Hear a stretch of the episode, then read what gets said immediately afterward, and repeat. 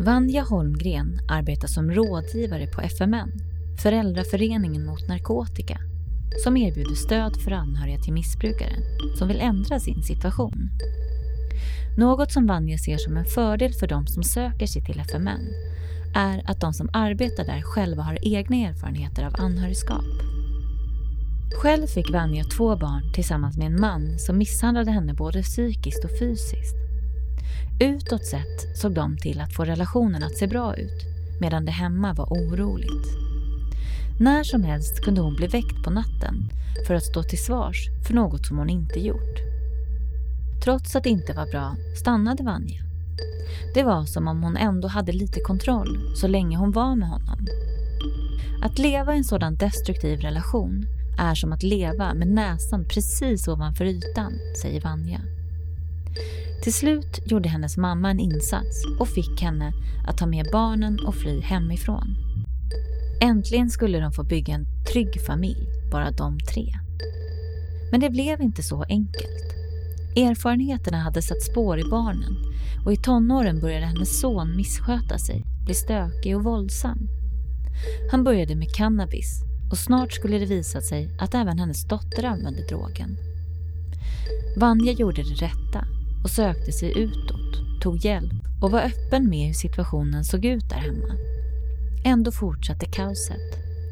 Trots att hon inte ville hitta droger i barnens rum infann sig nästan ett lugn om hon fann bevis på det hon anade. Överallt talade man om hur man skulle förhålla sig till sina missbrukande barn. Men ingen frågade hur Vanja mådde.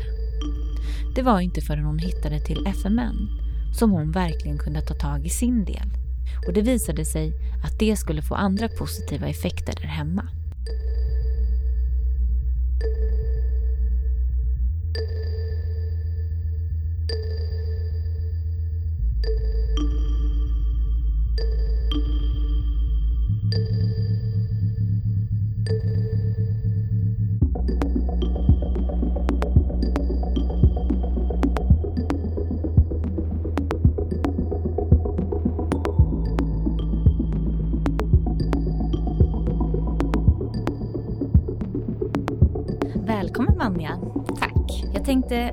Börja lite grann om du skulle vilja berätta lite grann om dig själv och lite grann om FMN.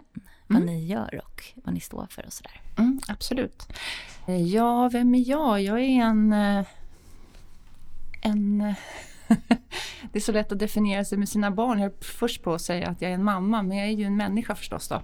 Men varför jag är här är för att eh, jag vill jättegärna berätta om eh, mitt jobb och FMN och lite om min bakgrund. Jag eh, drivs av den här medberoendefrågan, måste jag säga. Eh, på olika sätt. I mitt jobb på FMN, då, Föräldraföreningen mot narkotika, där träffar jag anhöriga och närstående till någon som har någon typ av beroendeproblematik. Och där jobbar jag med stödsamtal. Och vi utgår mycket från en mix av självhjälp men också allra först att möta personer som kommer med att vi är precis likadana. Jag kan säga jag har gjort sådär eller det där mönstret har jag också gått in i eller jag har också betalat räkningar, eh, sprungit med saker, gjort grejer som jag i huvudet kanske vet är fel. Så det är jätteviktigt, vi är ingen myndighet utan vi erbjuder stödsamtal eh, där vi hoppas att personen ska få kunna växa och återta sin livskvalitet. Och också hitta verktyg och metoder och, och förhålla sig till personen som har eh, missbruksproblemen. När startades FMN? FMN har funnits sedan 60-talet och startades av eh, djupt engagerade och drivna eh, framförallt mammor då då, som hade barn eller anhöriga som, som hade missbruksproblem.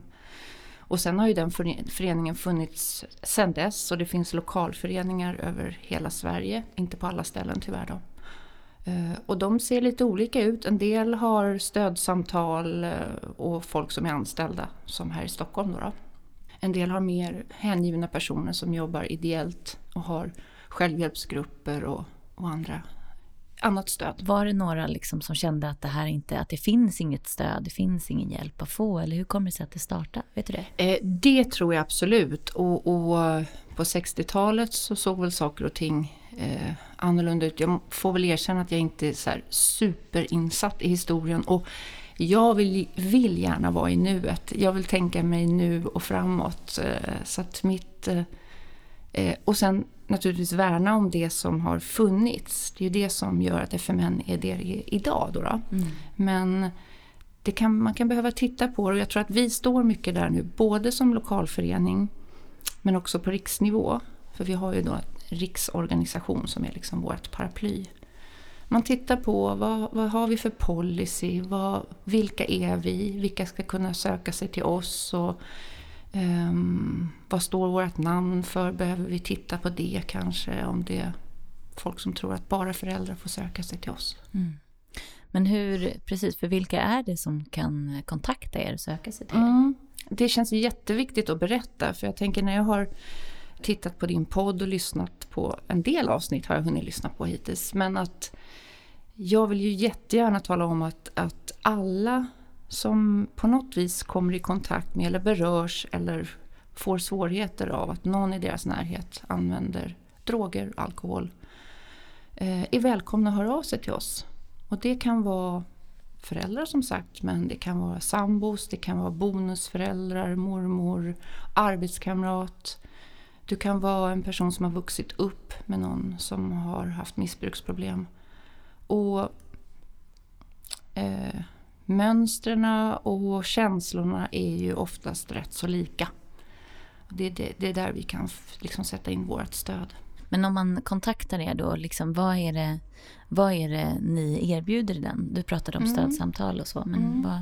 Precis, och då pratar jag ju nu utifrån FMN Storstockholm. Mm. mm. Vi erbjuder enskilda stödsamtal med personer hos oss som vi i nuläget kallar vi oss för rådgivare men det ska vi försöka komma ifrån också för tanken är inte att vi ska ge goda råd.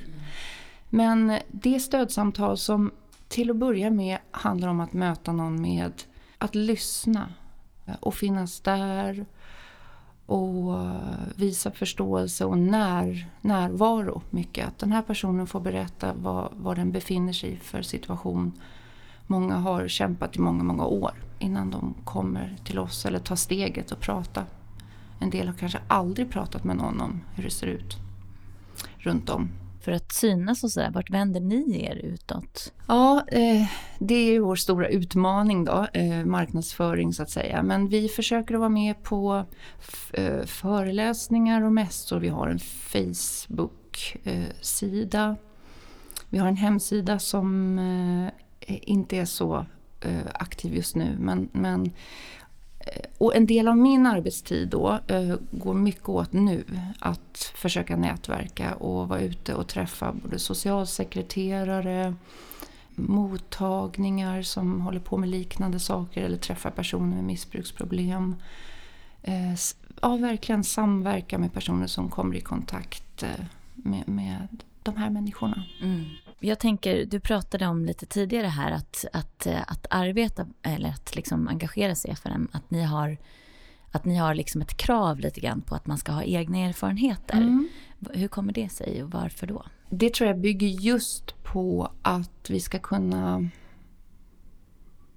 vi, ja, alltså vi ska inte... Vi, vi, vi känner igen mycket och vi kan liksom vara en mer vanlig människa kanske än en, en person som har läst sig till hur medberoende funkar eller hur det är att leva med någon med missbruksproblematik.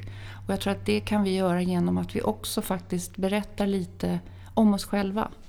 Jag brukar till exempel berätta att eh, jo, men jag har två barn som nu är vuxna men de har också missbrukat och jag har levt i den situationen och så brukar jag berätta om, om det lite grann. Inte för att min historia ska ta plats men för att visa att eh, även jag som sitter här och tar emot dig och vill ge dig stöd, jag har också gjort en liknande resa.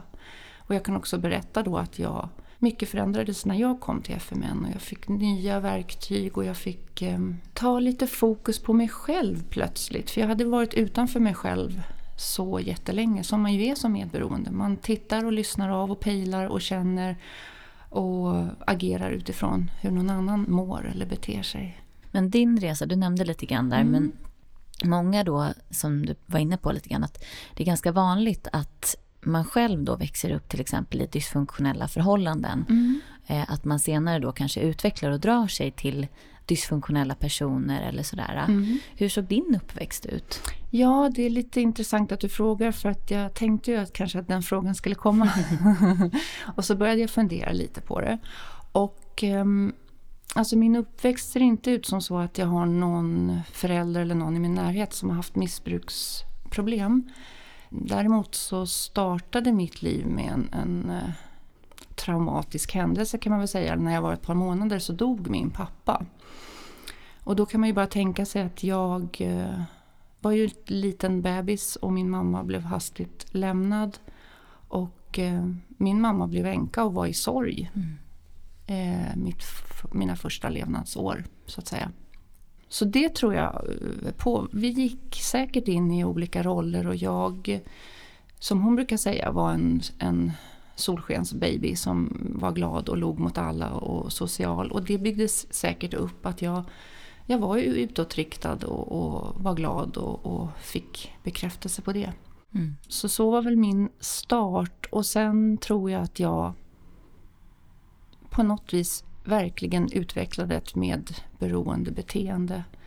Eh, kunde gälla i andra kärleksrelationer och eh, det utvecklades nog väldigt mycket i, i min relation då till mina barns pappa. Hur eh, och när träffade du honom? Mm, då var jag 23. Ja, vi träffades och jag blev ganska snabbt gravid.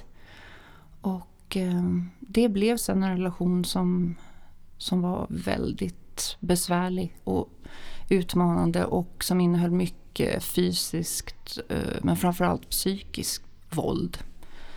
Eh, och där kan man säga att jag absolut gick in i ett medberoende men det var ju också väldigt styrt av skräck och rädsla. Jag tänker det är ganska vanligt i den typen av relationer Mm. att man kanske inte riktigt ser den sidan från början. Mm. Hur, vad var din liksom upplevelse av den här mannen när ni träffades så att säga? Eh, han var spännande och intressant och intresserad av mig. Han ställde mycket frågor och visade mycket uppmärksamhet. Och I början när jag kände mig osäker på om vi ja, verkligen skulle bli ett par eller så, så bad jag honom om tid för att få liksom, tänka efter och känna efter. Och jag tyckte att han gav mig det och det var någonting som jag tror invaggade mig i, i en trygghet. Jag tänkte han, han pallar att vänta ut och ja, han, han finns kvar och, och han vill ha mig och är intresserad av mig. Där såg jag ju ingenting men det började väldigt snabbt egentligen. Och hur började det då? Hur kunde det se ut? Det började väl med den klassiska örfilen. Eh, vid något tillfälle där barnen... Nej, vi hade bara ett barn då, men vi hade väl varit ute eh, bland folk och jag hade då tydligen tittat för länge på någon eller gjort någonting som väckte upp en enorm svartsjuka och så vart det gräl och där kom min första smäll. Men var det just vid sådana tillfällen att det var liksom svartsjuka som ofta låg till grunden till det? Eller hur kunde det se ut? Eh, Det fanns ju med mycket.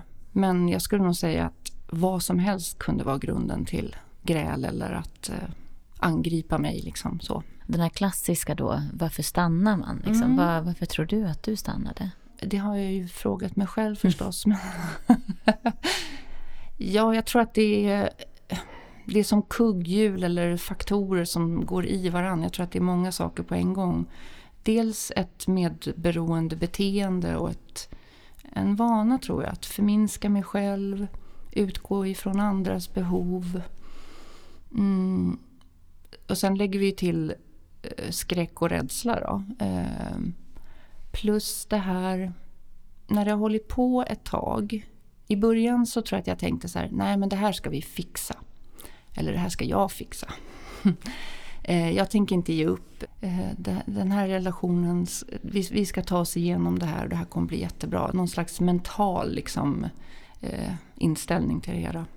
Som man brukar säga också, men jag tror verkligen på det här med att om man lever i en sån relation så börjar man man sänker hela sin nivå av vad som är normalt. Man hamnar liksom på någon annan graf. När, när det är dåligt och förjävligt i en sån relation så skulle någon annan kanske säga att jag skulle inte kunna tänka mig att vara i en sån relation överhuvudtaget. Då är man jättelångt ner i botten. Och sen när man plötsligt försonas eller man tycker jag tyckte att jag nådde fram till honom eller han bad om ursäkt. Då fick jag en kick. Och då kändes det som vi hade det jättebra.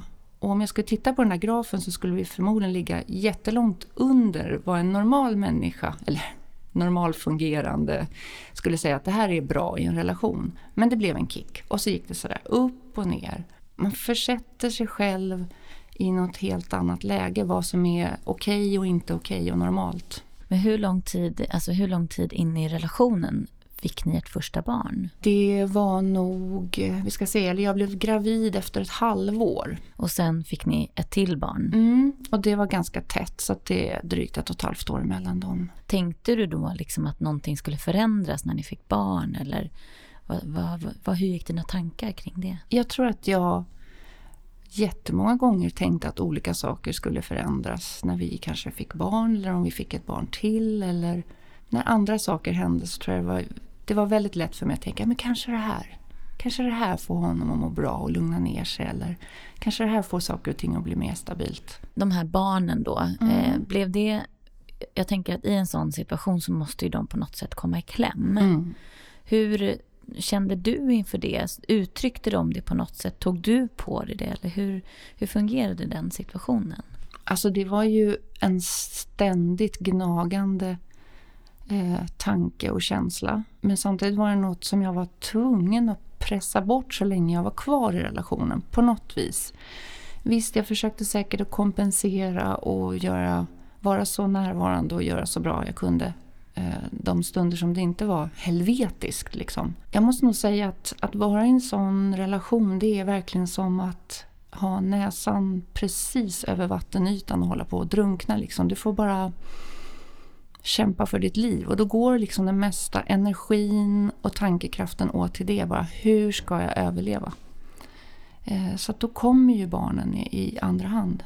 Var han någonsin våldsam mot dem? Nej. Den här eh, misshandeln då, liksom, mm. var det, pågick det på ungefär samma sätt eller blev det att det liksom eskalerade och blev progressivt värre? Nej, jag skulle nog säga alltså det, det var inte särskilt mycket fysisk misshandel och där kan man väl säga att det räcker ju egentligen med att göra det en gång så, så finns ju rädslan kvar eller hotet om, om det. Men däremot var det ju väldigt mycket psykisk terror skulle jag säga som var väldigt nedbrytande men också helt oförutsägbar och, och verbal liksom, men, men otroligt nedbrytande. På hur kunde det se ut? Det kunde se ut till exempel som att vi hade gått och lagt oss och allt var okej. Och helt plötsligt så vaknar jag av att han rycker upp mig eller väcker mig och då är det någonting som jag har gjort eller sagt fel eller sett ut på fel sätt eller så. Och sen liksom ehm, var det som att eh, det, det, skulle till att bli ett stort bråk. Jag, jag försökte liksom avvärja och hantera det och svara på olika sätt med att svara på alla frågor. Det funkade inte. Vara tyst. Det funkade inte. Så det var som en vulkan liksom, som till slut bara var tvungen att explodera eller, eller så. så det, jag, jag, fick använda all energi till att försöka hantera den här jätteobehagliga situationen. Som ju brukade sluta då i skrik och bråk och, och gråt väldigt mycket för min del. Alltså frustrerad, förtvivlad eh, gråt. Men visade han någon ånger efteråt när han hade haft de här explosionerna och så? Oftast inte.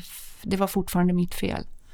Eh, så. Det kunde vid vissa tillfällen om det kanske var så att jag började prata på något sätt om att lämna honom eller att jag inte stod ut eller när allt höll på liksom helt att gå överstyr att han på något vis eh, kanske började be om ursäkt eller ta på sig någon egen del, något fel eller så. Kände du liksom att du började tro på det här som han sa till dig? Alltså när han nedvärderade dig på det sättet och så? Nej, det tror jag inte. Mer att det var så otroligt svårt att hantera. Um, men visst, jag blev ju liksom psykiskt nedbruten så det är klart att jag var inte lika om han nu sa att jag var en dålig mamma eller eh, dålig på att, att laga mat eller så, så blev jag ju faktiskt det också för att det var så jävla jobbigt. Mm. Eh, krasst sett så att säga. Men utåt sett då? Mm. Hur, för det här låter ju som att det präglar ganska stor del av er samvaro liksom, ja. i hemmet och antar jag. Ja, absolut. Jag tror vi båda var väldigt, väldigt måna om att det skulle se väldigt bra ut eh, utåt. Jag kan säga att min inställning var att så länge... Alltså jag, jag ville inte och vågade inte prata med någon. För jag tänkte om jag gör det, då kan inte jag vara kvar. Då måste jag lämna, för annars så kommer jag inte stå ut med att eh, någon annan vet hur jag har det. Så, så kändes det tror jag.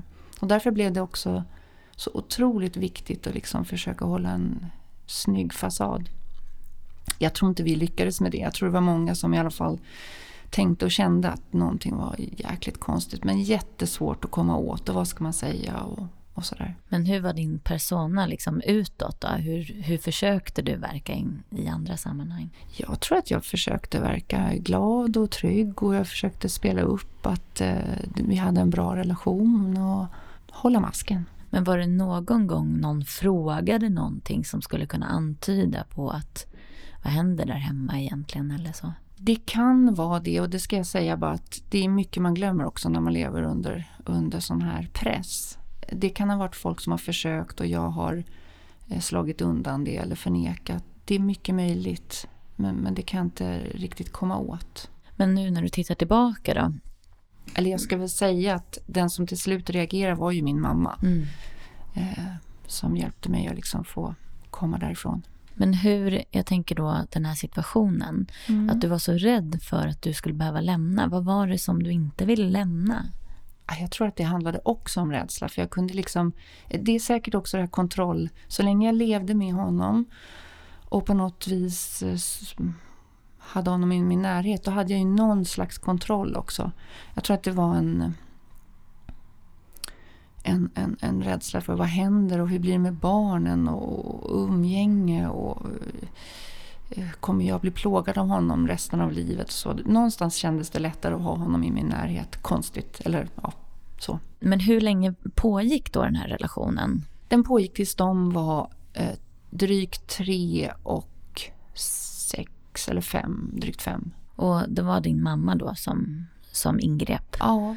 Det hur, hur, gick det till? Jag tror säkert att hon hade gjort flera försök och liksom det här svåra, hur mycket ska man lägga sig i och vad kan man säga? Och jag var väl total förnekande eller liksom inte eh, intaglig. Men eh, för att göra en, en, en lång historia lite kortare så det som verkligen fick mig att vakna upp det var faktiskt, hon hade nog hon fixade något nummer till något så kriscentrum för kvinnor och om kanske någon broschyr och började prata lite så här. För jag började väl glänta lite på dörren liksom om hur det var. Men eh, det som verkligen fick mig att vakna upp det var ju när hon sa att ehm, Alltså Vanja, om du inte gör någonting så måste jag agera utifrån barnen. Utifrån att vara mormor och samhällsmedborgare och vad jag, vad jag ser och uppfattar att barnen råkar ut för. Eh, och det var det var ju verkligen min ögonöppnare. Att det var väl det värsta jag skulle kunna tänka mig att på något vis bli av med barnen. Men det var ett bra sätt att väcka mig. Skaka om mig och, och, bara känna att nej men gud det är ju barnen faktiskt. Det är barnen som är viktigast. Och jag själv. Men, men det var en bra eh, grej för mig att hänga upp mig på. Jag måste rädda dem. Men vad gjorde du då? då? Jag eh, flydde en kväll när han inte var hemma. Och då hade ju den här processen redan börjat och jag ringde till min mamma och jag hade väl förmodligen mentalt förberett mig för det här tillfället och helt plötsligt dök det upp och så ringde jag till henne och sa han har gått ut nu. Kom, kom, kasta in taxi och så gjorde jag det. Så det var liksom det fysiska bara att ta sig bort från lägenheten och, och vara oanträffbar. Men tog du med dig barnen då? Eller? Ja, absolut. Mm. Jag tog med mig barnen. Och sen så kontaktade vi kriscentrum för kvinnor som är ett skyddat boende då, då, för kvinnor. Så bodde jag där ett halvår tror jag. Men hur reagerade han på det här då? Han blev ju fruktansvärt upprörd och försökte få kontakt med mig men det var ju vi genom eh, socialtjänsten då. och det var säkert, jag slapp ju lite av hans reaktion eftersom vi inte hade någon kontakt. Men han skaffade ju advokat och skulle börja bråka så att säga. Och sen så, han körde ju ganska mycket drama eller så. Han blev själv sjuk och, och mådde dåligt och det här var ju mitt fel och jag hade tagit barnen ifrån honom och så. Men han reagerade starkt. Men du tvivlade aldrig och började tänka så här, kanske skulle gå tillbaka eller? Jo, in, inte där och då. Jag tror att det var något tillfälle när jag, när jag var med barnen och, och hälsade på en kompis som bodde i närheten av där han bodde då. Uh, då blev det faktiskt så att jag klev tillbaka. Uh, men det blev ett dygn tror jag. Gick det till? Kontaktade honom? Jag tror att det faktiskt att det var så att, eller att till och med om min son sprang iväg för han skulle börja leta efter pappa och, och faktiskt hittade honom. Eh, och sen tror jag att jag blev liksom förlamad av någon slags rädsla och bara som en zombie följde med honom hem. Mm. Och så var jag där ett dygn med barnen men sen var det som att jag ja, väckte mig själv och bara, nej men det här går ju inte. så. Så då kom jag därifrån faktiskt. Jag tänker under en sån här process då, när mm. någon ställer till så här mycket bråk så det är svårt, tänker jag, se slutet liksom. Och mm. vad är bäst för barnen egentligen? Hur har du ställt dig inför det här och hur lång var den processen? Alltså jag kan ju säga så här att det, den stora skillnaden i hela den här processen det är ju att jag hade någon slags mer balans och frid i sinnet. Jag var inte ansatt och, och plågad hela tiden. Jag kunde liksom ha tid att tänka och känna efter och be om hjälp och, och så. Och det var en stor skillnad därför att jag hade ju aldrig, jag hade ju aldrig fått tänka eller känna eller någonting. Jag hade aldrig fått vara i fred.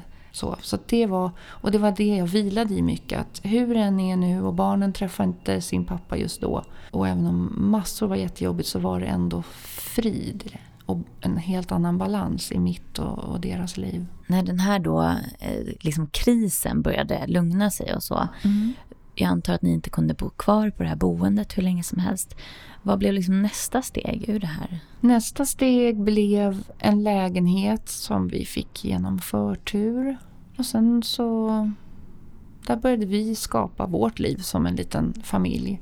Min son började skolan eller förskoleklass och ja, det här praktiska liksom som skulle lösas eh, på något vis. Eh, och, och, livet, jättemycket liksom vårat liv som en treenighet eh, och, och bygga upp det. Från att du då hade ägnat jättemycket uppmärksamhet och, och energi på att vara rädd och mm. förhålla dig då till att nu se barnen på ett annat sätt. Mm. Vad hände? Hur mådde dina barn? De mådde ju inte så bra. Tydligast var det ju eh, med min son som var... Han hade det besvärligt och jag tror att han... Eh, han kände också att han hade svikit pappa, tror jag. Nu, nu är ju inte han här så men, men... Och han var arg på mig och vi hade mycket bråk och konflikter och, och drabbningar. Och det var ju svårt förstås.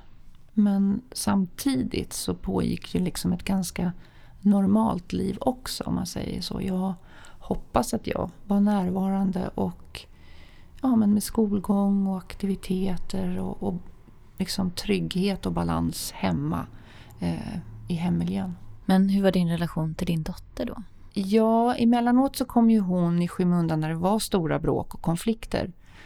Och han bråkade ju väldigt mycket med henne också så det var ju också en, en, en grej som, som vi behövde, eller som jag behövde hantera. Och det var ju svårt för att jag Ja, då blev jag liksom någon slags beskyddare av henne och, och, och eh, han var under en period väldigt eh, alltså krasst ska man säga, elak storebror. Alltså retsam och, och höll på att plåga henne. Och det var ju jobbigt för mig att se naturligtvis. För jag blev så här, åh, är han som sin pappa och gör han samma grejer? Och ibland liknade det förstås och, och, och så. Så det var ju skrämmande. Men samtidigt så kände jag ju för honom, jag såg ju att han led. Så det, var, det, var, det var inte bara harmoni och enkelt för att vi hade lämnat deras pappa. Men, men det var ändå det bästa. Hade de någon kontakt med sin pappa? de har haft det från och till och det var ju också en utmaning för att jag tänkte att det skulle vara bra att de ändå hade kontakt med sin pappa. Och jag har nog verkat mycket för det. Men det har också blivit svårt eftersom han har varit väldigt, väldigt arg och hatisk mot mig. Jag har varit mest intresserad av att eh, uttrycka det. I alla fall särskilt när de var små. Mm. Det har ju varit tungt för dem att bära. Men ditt liv då, mm. parallellt med det här. Jag tänker att ha den här erfarenheten av en väldigt eh, dysfunktionell, destruktiv relation. Mm. Hur förhöll du dig inför framtiden om du träffar nya män eller sådär? Gjorde du det? Ja, det gjorde jag, men det blev nog kortare relationer eller relationer som var på ett visst avstånd. Um, dels tror jag att jag kände att jag ville inte ta hem någon eller bli för nära med någon uh, med tanke på barnen. Men jag tror att jag var säkert rädd och höll, höll, höll män ifrån mig på något mm. vis. Men sen eh, blev dina barn större. Fortsatte mm. det här liksom, utagerandet för din son? Nej, ja, det höll ju på ganska många år. Och nu blir det svårt att komma ihåg när det plötsligt liksom bara slutade. Mm. För det var faktiskt nästan mm. så. På något vis så mådde väl han bättre eller började agera på annat sätt. Det var väl någon gång i högstadiet kanske. När han gick i högstadiet.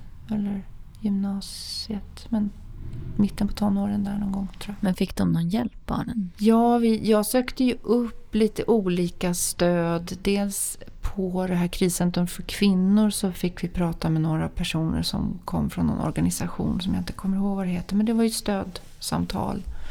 Sen hade vi också kontakt med någon annat ställe som väl var inriktat på barn som hade upplevt våld och, och hot.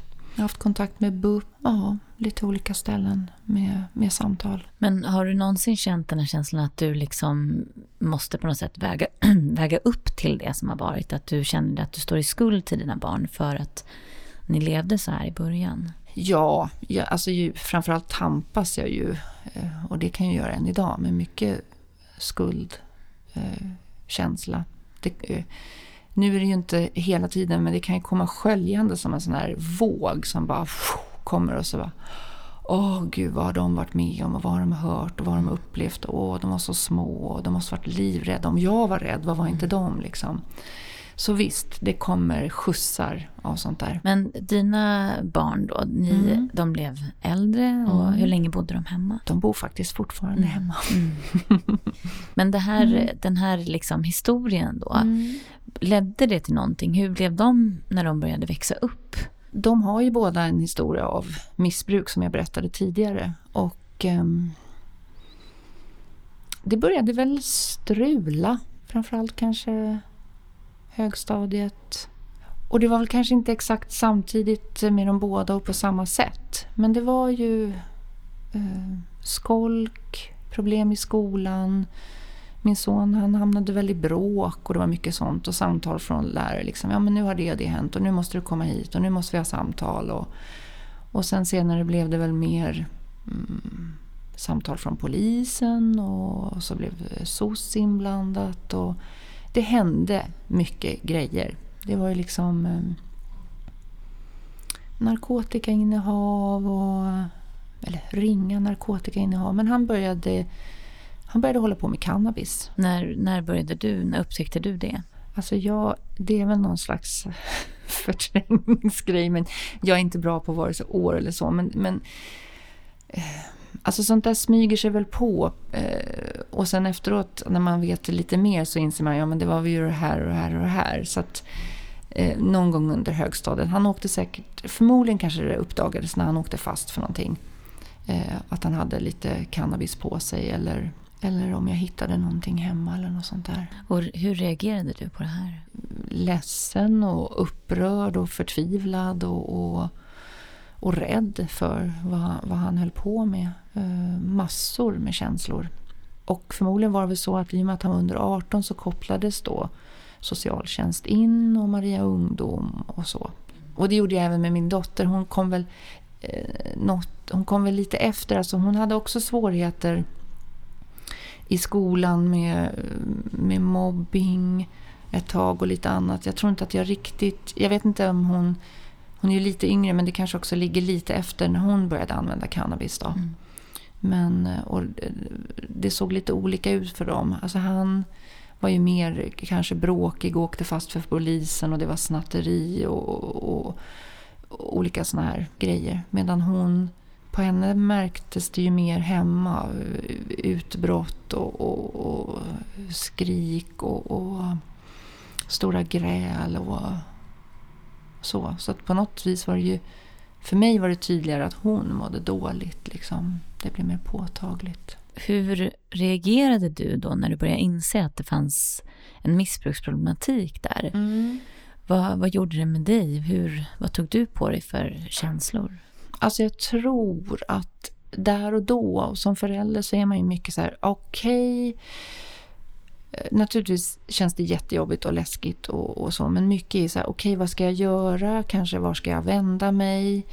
Eh, jag, det blev ju Maria Ungdom och SOS och så inkopplat så att jag tyckte ju liksom att jag hade stöd utifrån. Så det var ju mycket så att gå på de här mötena och på de här samtalen och, och liksom bara försöka vara, tänkte jag, en närvarande förälder.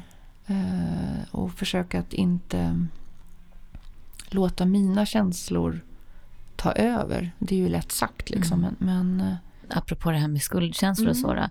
Tog du någonsin på dig ansvaret att du låg bakom det här eller att, att du hade makt över det på något sätt? Uh, nej, det känner jag inte igen. Den här rollen då som förälder, mm. fick du någon, när socialen blev inblandad, så gav de något råd hur du skulle förhålla dig till det här? Eller just det här, det kan ju vara väldigt svårt tänker jag som förälder att börja dra gränser och mm. så.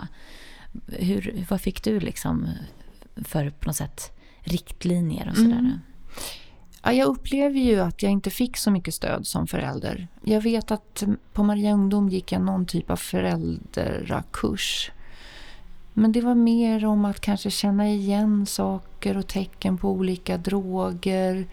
Kanske förhållningssätt och så. Men det, det som jag kan känna så här efteråt, det är ju att det handlade hela tiden om den här andra, den här personen som har liksom missbruksproblematiken.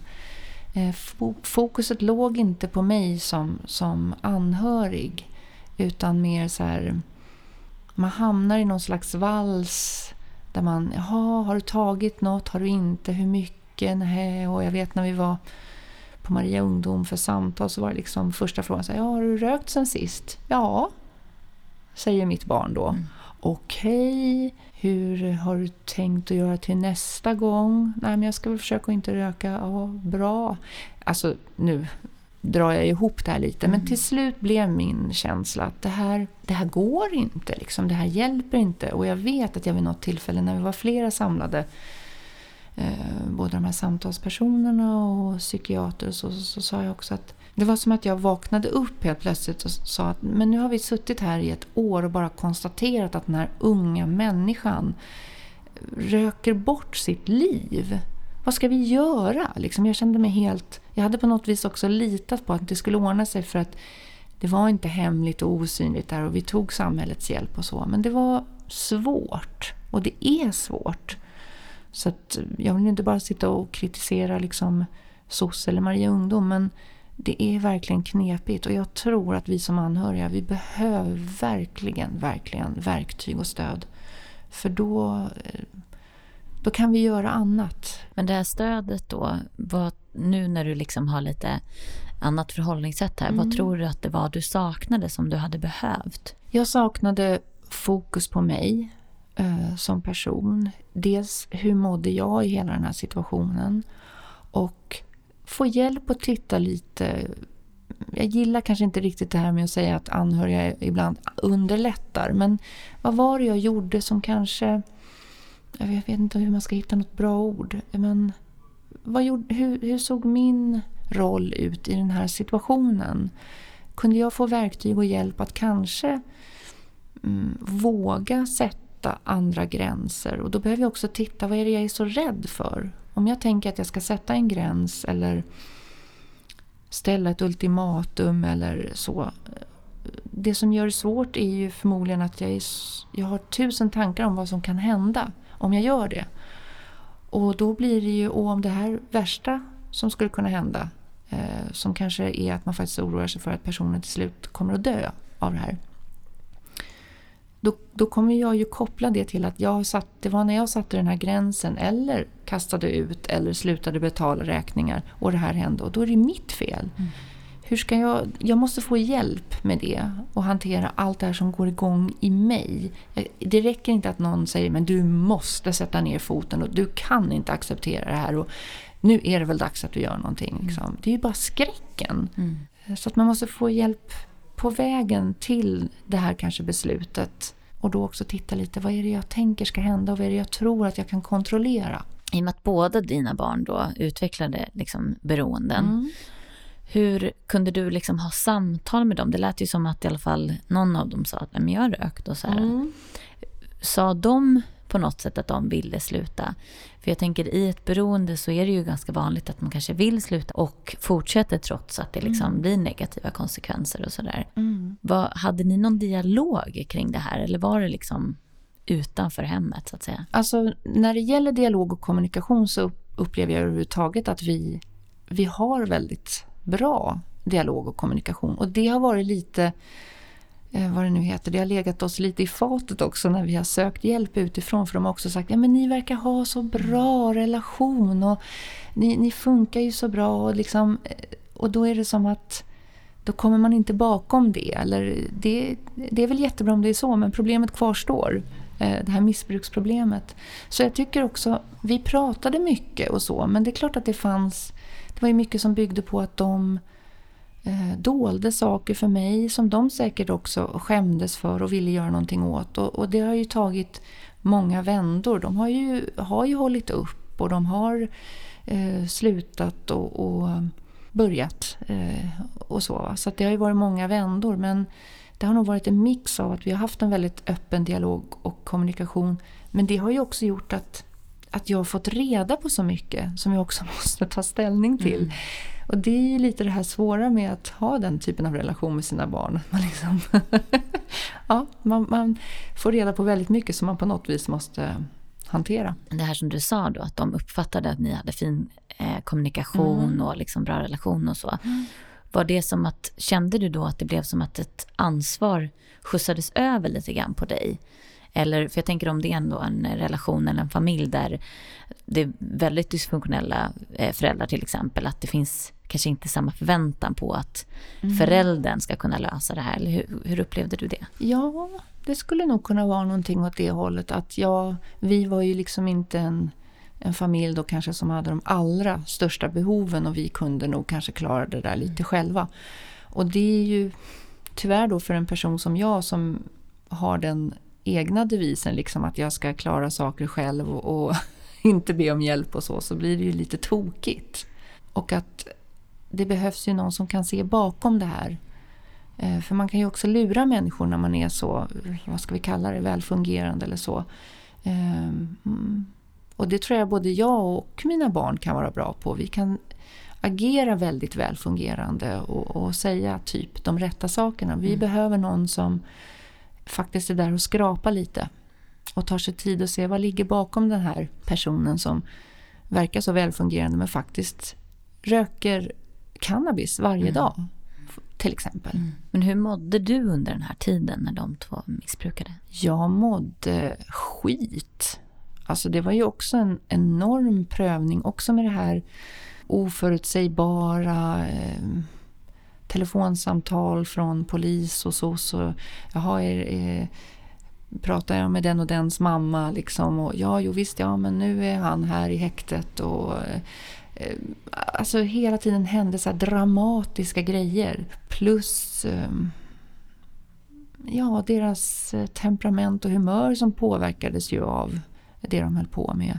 Eh, ilska och utbrott och, och gräl och bråk och, och att inte riktigt ha kontakt som ju händer med folk som, som, som använder eh, droger. Att man, eh, jag upplevde med dem i alla fall att det blir som en hinna eh, liksom mellan oss eller någon slags kladdig hinna som är över dem. Att mm.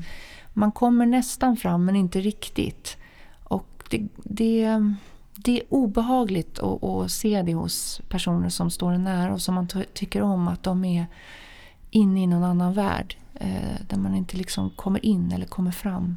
Men hur tog liksom ditt medberoende sig uttryck främst i den här situationen? Ja, det tog sig säkert dels uttryck i att jag... Pengar?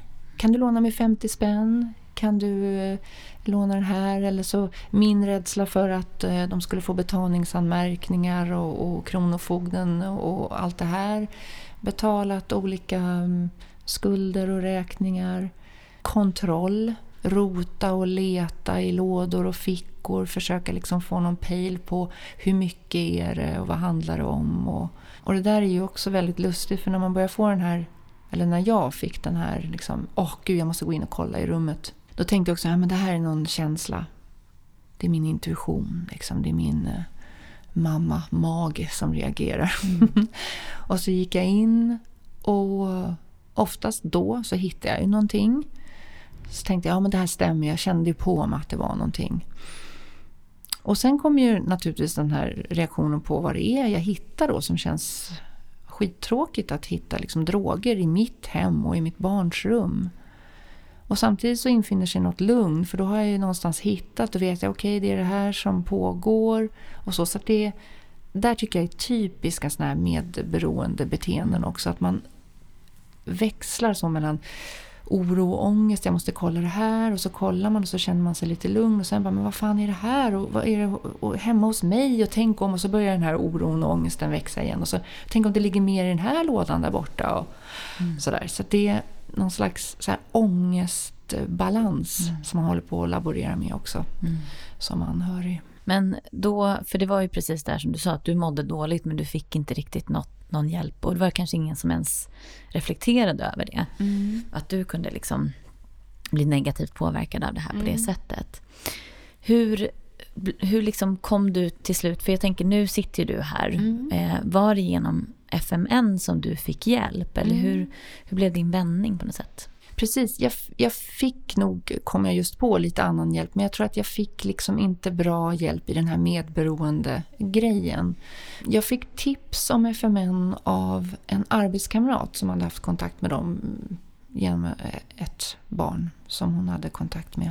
Mm. Men jag tror att det tog kanske ett år från det mm. till att jag tog kontakt. Jag kanske tittade slog upp eller fick något nummer eller någonting sånt. Men det var också en process bara det här att liksom föräldraföreningen mot narkotika, oh, det låter mm. läskigt. Sådär, narkotika, oh, ja, men det är ju bara cannabis. så. Och sen var det faktiskt en annan arbetskamrat. För att, eh, grejen är den att jag har varit väldigt, jag var väldigt öppen på mitt jobb eh, om vad som pågick. Dels för att eh, det, det, var en sån atmosfär men också för att det, det, påverkade ju mig väldigt praktiskt. Jag var tvungen att kuta iväg ibland och det var möten och eh, jag kunde liksom inte hålla på och ljuga om vad jag höll på med. Eh, men då var det också en annan arbetskamrat som också pratade om FMN och så tog jag kontakt och träffade en, en rådgivare där då, då. Och det var ju verkligen första gången som jag kände att någon såg mig. Vi satt inte och pratade om hur mycket barnen missbrukade, exakt vad det var för droger. Alltså att fokuset låg inte på det. Det var väl klart att jag berättade, jag fick ju berätta hur min tillvaro såg ut. Men fokuset var på mig och hur jag mådde och till att börja med få prata av mig faktiskt. Mötet då, mm. var det just det här att du kände att den här personen, att du kunde känna igen dig i den här personen? Betydde det mycket även för dig? Det betydde jättemycket för att jag kände att jag kunde slappna av i just med det här att försöka frisera eller censurera. Um, det här var en person som... Jag märkte på en gång att hon kommer inte liksom att baxna över saker som jag säger att jag har gjort eller inte gjort. Utan det fanns liksom från början att ja men så funkar vi. liksom. Mm. Och även om hon inte har gjort eh, precis samma saker som jag så finns det verkligen en så här ömsesidig empati. Mm. Eh, som jag tror att man verkligen behöver. För man ägnar så mycket tid åt att dels hantera situationen men också vad ska andra tycka och vad ska de tänka om mig? Eller det är ingen idé att jag säger något för de kommer bara säga åt mig saker som jag ska göra som jag inte kan göra eller mm. pallar. Men blev det här då liksom verkligen din vändning? Att du, hände det någonting då att, att missbruket så att säga upphörde hemma? Eller kände du, kunde du frigöra dig så pass mycket att du förstod att de inte hade med varandra att göra? Mm, jag tror till att börja med så var det mycket alltså stödjande samtal där jag fick eh, jobba med mig själv och, och stärka mig själv och hitta tillbaka igen till mig själv och inte bara vara där ute och, och, fokusera på vad andra gör och inte gör och hur de mår och så. Det, var, det behövde jag hjälp med. Liksom veva tillbaka. Mm. Vad är viktigt för mig och var går mina gränser och hur kan jag bli tydlig med det? Sen övergick väl samtalen mer också till eh, ja, vad är det jag känner är viktigt att göra? Vilken gräns vill jag sätta och hur ska jag göra det? Och, och mycket tror jag handlar om att när man väl tänker att man ska sätta en gräns så är man oftast kanske jättelångt bort om man tänker, som en del tänker, kasta ut barnen till exempel. Mm. Vilket ju för de flesta känns helt outhärdligt att göra. Och då sa ju min rådgivare att gör inte det om du inte är helt säker på att du fixar det. För om du gör det och sen så har du en massa dubbla känslor i det och sen efter två veckor så ringer det här barnet på dörren och ser ut som en trasig fågelunge och så plockar du in det och så börjar ni om igen. Då är det bättre att göra världens minsta lilla steg eller förändring. Mm. Så det var också att få lite hjälp för man kanske blir... Det är så lätt att hamna i det här antingen eller själv. Fortsätta så här eller kasta ut och, och klippa alla band. Men det, det vill man ju inte göra heller. Så det var viktigt att få stöd i det här. Hur, hur, hur ska jag agera och vad, vad vill verkligen jag? För det finns ju inte heller ett färdigt koncept liksom att så här ska du göra som anhörig. Och sen så fick jag åka iväg på en helgkurs. Vi har en, en eller FMN har en, en fördjupningskurs just som handlar väldigt mycket om medberoende och som, där man får jobba mycket med sig själv. Mm. För de här samtalen de rör sig ju ändå utifrån att man har någon i sin närhet som, som har missbruksproblem. Men på den här kursen så får man verkligen liksom stanna upp eh, och titta på sig själv. Vad, vad vill jag vara för en person? Vad drömmer jag om? Vad längtar jag efter? Vad har jag utvecklat för delpersonligheter, överlevnadsstrategier? Och hur har de funkat för mig, både bra och dåligt? För jag tänker om man har utvecklat till exempel att vara duktiga flickan eller hjälparen eller så. Så på många sätt så har ju de här rollerna också hjälpt en i livet framåt. Men på andra plan så kanske man ser att här var de inte så bra för mig. Och här kanske jag inte eh, Eh, här kanske behöver jag titta lite på att jag kanske behöver plocka fram en annan sida av mig själv. Så det var väldigt det var starkt att få gå den här kursen och då träffade jag också andra föräldrar. Mm. Och vi, fick ju, vi var väl sju stycken tror jag så det blir väldigt tätt och intimt och nära och man delar varandras historier och man ja, gråter och, och, och, så om man vill eller om man, om man nu gör det. Mm. Eh, men det var väldigt, väldigt starkt eh, faktiskt. Och man har återträffar sen en gång i månaden. Så att hela den här processen håller på ett år ungefär. Det betyder jättemycket. Men blev det här liksom början till att du sen, eller övergick det i att du sen började engagera dig i FNM? Ja, precis. Eh, Dels så började jag ju funka annorlunda och göra annorlunda hemma. Och jag ställde en del ultimatum och, och, kände mig trygg med det. Och utan att gå in på de detaljerna, för det, det tar tid. Men, men det började hända grejer. Jag kände mig eh, stärkt och mm, jag hade mer fokus på mig. Och det hände grejer med barnen också, mm. absolut. Och det, då blir det ju en sån här pingpong effekt. Jag får energi av att jag ser förändring och vi möts på ett annat sätt och så började studsa eh, fram och tillbaka. Um, så det var ju en lång period av att eh, ägna mig åt det. Och sen så kände ju jag att jag, ja, jag brann ju för vad FMN gjorde och det kom en fråga till mig inför ett sånt här um, årsmöte då om jag uh, kunde tänka mig att gå med i deras styrelse. Och vi är ju en ideell organisation och har liksom styrelsen som vårt... Ja, alltså för mig är ju styrelsen min nuvarande arbetsgivare. Mm. Eh, så då. så att det var där det började. Först gå med i styrelsen och, och börja se FMN från andra hållet. Då. Som jag inte visste någonting om. Det här med att vi är en ideell förening och man söker bidrag och eh, hur ska vi överleva och, och så. Och sen under den tiden så visade det sig att det var en person, faktiskt min tidigare rådgivare då, som skulle gå i pension. Sen så blev det som det blev, höll jag på att säga. Nej, men så mm. var väl jag ett av de förslagen då, då på mm. att, att uh, börja jobba efter, efter henne. Då. Och så blev det så. så jag började jobba där för ett och ett halvt år sedan drygt. För nu har ju du då, du träffar ju också andra anhöriga mm. och ni har samtal. Mm. Kan, jag antar att du känner igen dig väldigt mycket av det som de berättar och mm. sådär. Mm. Vilka är liksom de vanligaste frågorna eller beteendena så som du upplever återkommer? Mm. Det ser faktiskt lite olika ut, men jag kan säga så här att det mest vanligtvis när folk kommer, kanske första träffen eller när folk ringer, det är mycket så här, vad ska jag göra? Vad ska jag säga? Jag har försökt allt.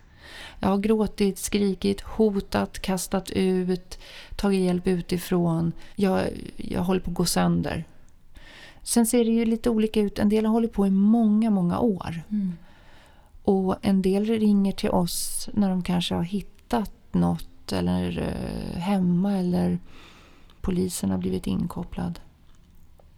Och sen finns det ju den andra rollen då, för jag tänker kanske som förälder så får man ju väldigt mycket vad ska jag göra, vad ska jag säga, hur ska jag, eh, vad ska jag göra åt? Jag tänker mig som vuxet syskon så hamnar man ju också i ett annat läge. Man hamnar kanske i kläm mellan förälder och sitt syskon och i olika roller och eh, lojalitetsgrejer och, och, mina föräldrar är jätteoroliga för mitt syskon så då måste jag vara stark och hantera det här och så. Mm. Så det kan se, även om mycket kan vara likt så kan det också se lite olika ut. Eller om man som barn har vuxit upp då med en förälder med beroendeproblematik då har man också medberoendet och, och allt det där men också andra roller kanske. Nästan vem som helst då som sagt som är anhörig på något sätt till någon som är beroende kan vända sig till er. Mm. Hur går man tillväga då? Då skulle jag nog säga att det allra bästa är att ringa till oss. Mm. Vi har en hemsida och vi har en Facebook-sida och där kan man gå in och titta.